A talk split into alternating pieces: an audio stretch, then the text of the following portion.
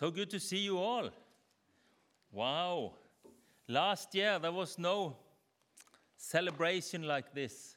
And the year before last year there was not either. But this year you have come. And this is so good. 2022. We have heard read from Luke chapter 2. And I'm going to follow some of the people there in the Gospel of Luke. When Jesus was born in Bethlehem, the shepherds used to be out on the fields during the night time. They were sleeping, they were awake, they were guarding their sheep. But even there in Bethlehem, 730 meters over the sea level, the nights could be long, cold, and dark. And in one of those nights, when it was at the darkest time of the night, that was when God sent his son to be born in Bethlehem. And these poor on money, they were dirty, those shepherds, they were among those, the first ones to get the news about the Savior has been born. Have you got the news? Have you received the news not only in your mind but in your heart? God sent an angel to the people there, to the shepherds in the fields of Bethlehem. Then they heard, like those people in the, the mall, they heard the Lord and an enormous choir around them. It must be difficult to explain and to think how it must have been. But they were really surprised. Those people, poor people, freezing a little bit perhaps, they saw the light show of any time. An enormous light coming there. God lighting up the dark sky with all its glory.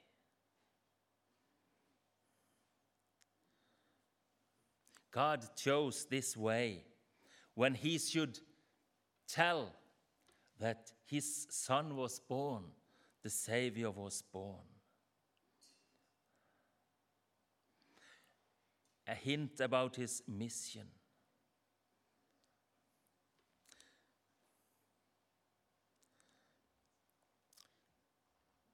See them, enormous choir there. And then they went to Bethlehem.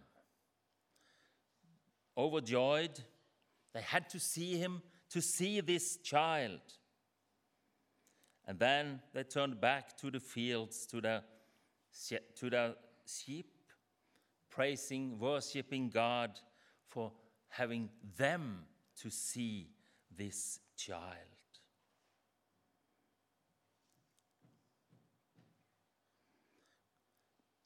There were some other people who also got a message. They were reading a lot of scriptures. Boom, boom, boom, boom, boom. They were kings. They were coming from far away, maybe from Syria, maybe from Iraq. They were coming from east some wise men. They came to see the new king, Jesus, following the star. They were reading the scriptures, and yes, finally they found Jesus.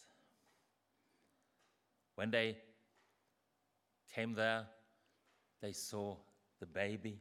They brought gifts. They were also grateful and thankful as they went back with joy they had given them him their gifts. Before we take the next picture, there is something special here. What do we see here? What is this? Ah, a donkey. And this? Uh-huh. And why did I put them there? Because in the beginning, about year 300 after Christ was born, when they made images from the stable, from where Jesus was born, there were only those three participants that was brought there the, the ox, the donkey, and baby Jesus. Not Mary, not Joseph, no shepherds, only a donkey, an ox, and the baby Jesus. Why was that? Because if we read, if we had read in, you can see the next picture now. If we had read from Isaiah 1 and verse 3, it's written about the ox and the donkey. They are symbols. What was an ox used for in the Old Testament? Yes, but there was a religious meaning for offerings and representing the Jews. So this ox should have been close to Jesus. It was difficult. Ah, he is not quite not, not, not bad. And also the donkey. What about the donkey? Ah, the dirty donkey. That's all the people who are not Jews. Ah, that's all of us, I guess.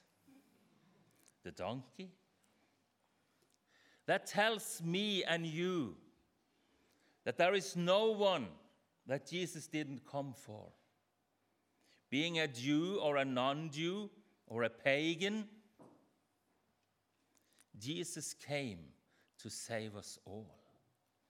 He came to be the sacrifice that God could say, It's okay. I put all the sins of the world on Jesus. So when you think of this ox and this donkey, think that it is for you, for everyone, for all people in the whole world. And I thought of this actually a Christmas song Go Tell It on the Mountain, over the hills and everywhere. Go tell it on the mountain that Jesus Christ is born. He was born so that you can be saved because he came and because he did what God told him to do. We really have a reason for being happy, for rejoicing, for praising him. He came for our sake to save us and give us eternal life for all who receive him. Yes, Jesus, I need you. I want to follow you and say thank you to all you have done for me. Thank you for being born just where you were born, among those poor people. They saw you first, and we can see you today. And we can say, Yes, Jesus, you are mine. Let us pray. Jesus, thank you for letting us get the news about you being born, sent from heaven, from God, to be born like a child, not in a nice hotel. No, on a dark place with a lot of dirt and wow. But thank you for being born just there, for letting shepherds see you first. Jesus, help us to say yes to you and follow you day by day, step by step. And thank you for willingness to be our Lord and Savior. Amen.